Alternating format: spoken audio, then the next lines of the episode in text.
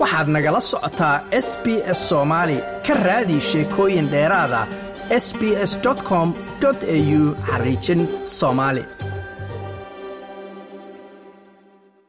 sannadkan dhammaadka ah wuxuu ku bilowday adduunka oo ka soo baxayay faafkii cudurka covid nneteen-ka ee ugu xumaa muddo dheer. Dunida ayaa sidoo kale waxaa ruxay dagaal sidoo kalena guulo waaweyn oo isboorti ayuu ku soo dhammaaday labadii kun iyo labaiyo labaatanka waxaa la soo maray duulaan qaarajin siyaasadaysan daadad iyo xilwareejin boqortooyo. Laakiin intaasi waxay ahaayeen oo keliya bilow.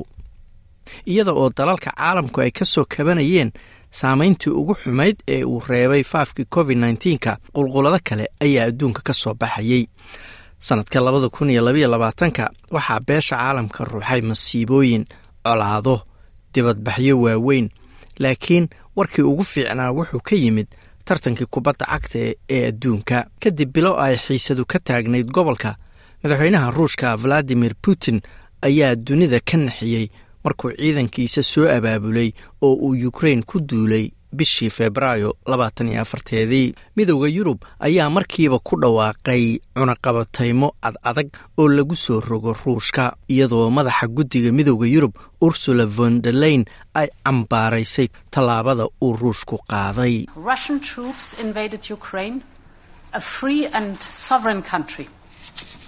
ciidanka ruushku waxay ku duuleen yukrain dal madax bannaan oo xora oo ku yaalla bartamaha yurub. Haween carruur iyo rag aan waxba galabsan ayaa dhimanaya ama u cabsanaya naftooda.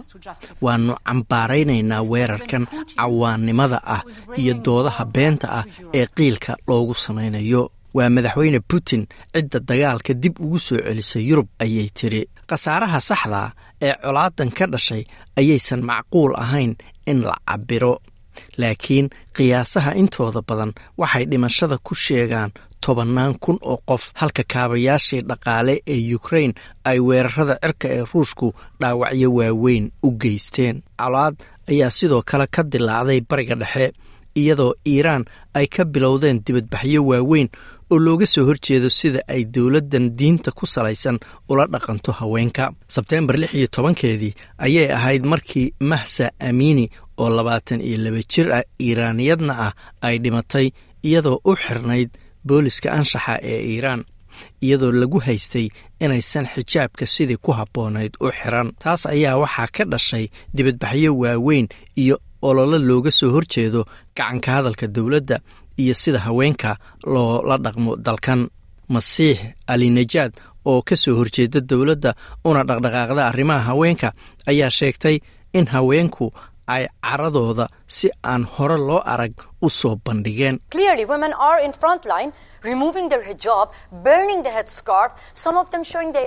Waa mid cad in haweenku ay ku jiraan jiidda hore oo ay xijaabkii iska tuureen ama iska qaadeen oo ay gubayaan xijaabkii qaar ka mid a caradooda waxay ku muujinayaan iyaga oo timaha iska jaraya waxay ku muujinayaan qaab baroor diiqah qaab dibadbax ah haweenka iyo ragga oo iskaashanaya waxay gubayaan gawaarida booliska.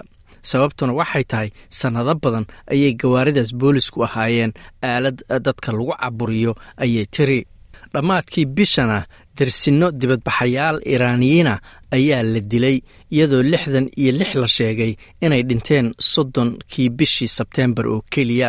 Sida laga soo xigtay hay'adda xuquuqul bini'aadanka ee amnesty international.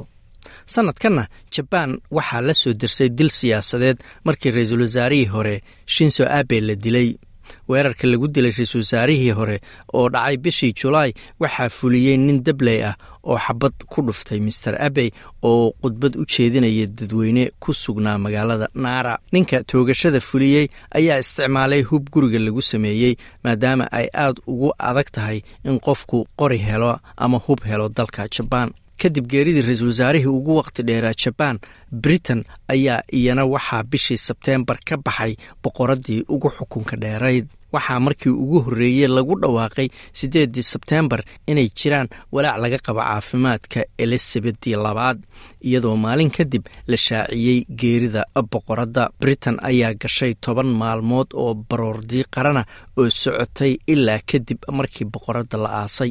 Ra'iisul wasaarihii markaas xilka haysay liis truss ayaa ku ammaantay boqoradda shaqadii ay soo qabatay toddobaatankii sano ee ay xilka haysay.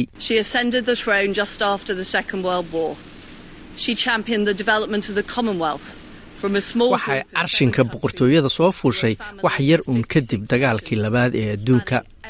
Waxay horyaal u ahayd samayntii barwaaqo sooranka oo markii hore ahaa oo keliya koox yar oo ka kooban toddoba dal kadibna noqotay konton iyo lix dal oo ku faafsan qaaradaha adduunka oo dhan. U k hadda waa dal casriya oo kobcaya ayay tiri wakhti adag iyo mid fiicanba boqorad elizabeth waxayna siin jirtay xasilooni iyo adkaysiga aanu u baahannahay ayay tiri ra'iisul wasaare liis truss halka britain ay ka baroor diiqaysay geerida boqoradda xubin kale oo ka tirsan dalalka barwaaqa sooranka ayaa wajahday masiibo taariikhiya. Intii u dhexaysay juun iyo oktoobar waxaa dalka bakistan ku dhuftay daadad iyo dabaylaha maansuunta loo yaqaan oo burburiyey kaabayaashii muhiimka ahaa sababayna dhimashada dad lagu qiyaasay kun iyo toddoba boqoloo qof oo bakistaaniyiina wadooyinkii dalagyadii beeraha iyo buundooyinkii ayaa waxaa qaaday waxaa lagu sheegay daadadkii ugu xumaa ee saameeyey muwaadiniinta dalkaasi u dhashay oo gaaraya soddon iyo saddex milyan oo qof. Labadii kun iyo labaiyo labaatankii waxaa dhacay isbeddel weyn oo ah dhanka juquraafi siyaasadeedka adduunka iyada oo kan ugu darnaa uu ka dhacay dalka brazil. Bishii oktoobar siyaasiga dhanka midig ee fog madaxweyne jeyer bolsonaro ayaa noqday madaxweynihii ugu horreeyey taariikhda brazil oo looga adkaado dadaal dibu doorasho ah markuu helay afartan iyo sagaal dhibic hal boqolkiiba codadkii oo keliya halka ninkii ka soo horjeeday uu helay konton dhibic sagaal boqolkiiba. Madaxweynaha garabka bidix ee la doortay horena u soo noqday madaxweynaha lula da silva ayaa aad uga duwan bolsonaro oo tuuray shuruucdii lagu difaaci lahaa bii-adda kana gaabiyey jawaabtii laga bixin lahaa faafkii covid nneteen-ka arrimahaas oo master bolsonaro aad loogu dhaliili jiray intuu xilka hayay. Lula ayaa ku dooday in guushu ay tahay mid u timid dimuqraadiyadda brazil mar uu khudbaddii guusha jeedinayay This isn't a victory of mine or the Workers' Party, nor the parties that supported me in campaign. tani ma aha. guul aan anigu leeyahay ama xisbiga shaqaaluhu leeyahay mana aha mid ay leeyihiin xisbiyadii ololaha igu taageeray ee waa guul u soo hoyatay ayuu yidhi. Dhaqdhaqaaqa dimuqraadiga oo samaysmay oo aan ku shaqo lahayn ayuu yidhi xisbiyo siyaasadeed dana shakhsiyadeed ama aragti kale ee waxay ahayd mid ku salaysan si dimuqraadiyaddu ay u guulaysato ayuu yidhi master lula. Bishii xigta ee nofembarna hogaamiye kale oo muran ka taagan yahay ayaa dhaliilo la kulmay. Markii dibadbaxyo naadirka ah china ay ku sigteen inay xasilooni darro ka abuuraan dalkaasi. Magaalooyin dhowra oo ku yaal dalweynaha china ayaa waxaa ka dilaacay dibadbaxyo ay muwaadiniin ka caraysan sida china ay u wajahdo ama u maarayso arrinta covid nneteen-ka oo ah mid dowladdu ay isku dayeysay inaan la ogolaan in kaysasku ay markaasi kordhaan. Dibadbaxyada ayaa inta badan looga jawaabayay dab labaatan iyo afartii nofembar ka kacay gobolka shinjaan oo toban qof ay ku dhinteen kaasoo dadka deegaanku ay sheegeen inay uga dartay xanibaadaha jiray oo hor istaagtay adeegyadii deg dega ahaa inay markiiba goobta soo gaaraan oo dadka dabka ka badbaadiyaan dibadbaxyadan ayaa ahaa kuwo aan hore loogu arag jinada uu ka taliyo shi jinping oo lagu sheego inuu yahay xukun caburiya dadka siyaasadda uga soo horjeeda.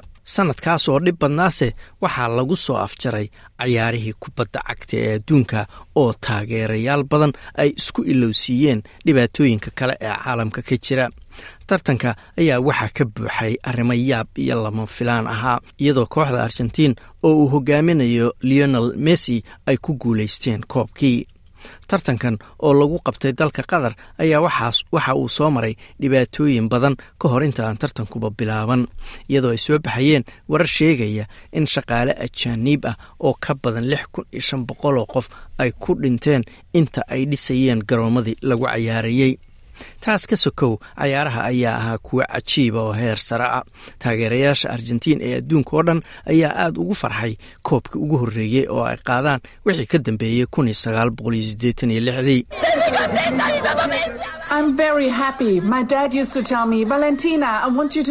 aad baan ugu faraxsanahay. Aabbahay wuxuu igu oran jiray valentina waxaan rabaa inaad aragto argentina oo ku guulaysatay koobka kubadda cagta ee adduunka. Hadda waxaan la wadaagi doonaa ayay tiri gabadhaasi dareenkayga aabbahay like aas la wadaag wax ka dheh lana soco barta facebooka ee sb s soomaali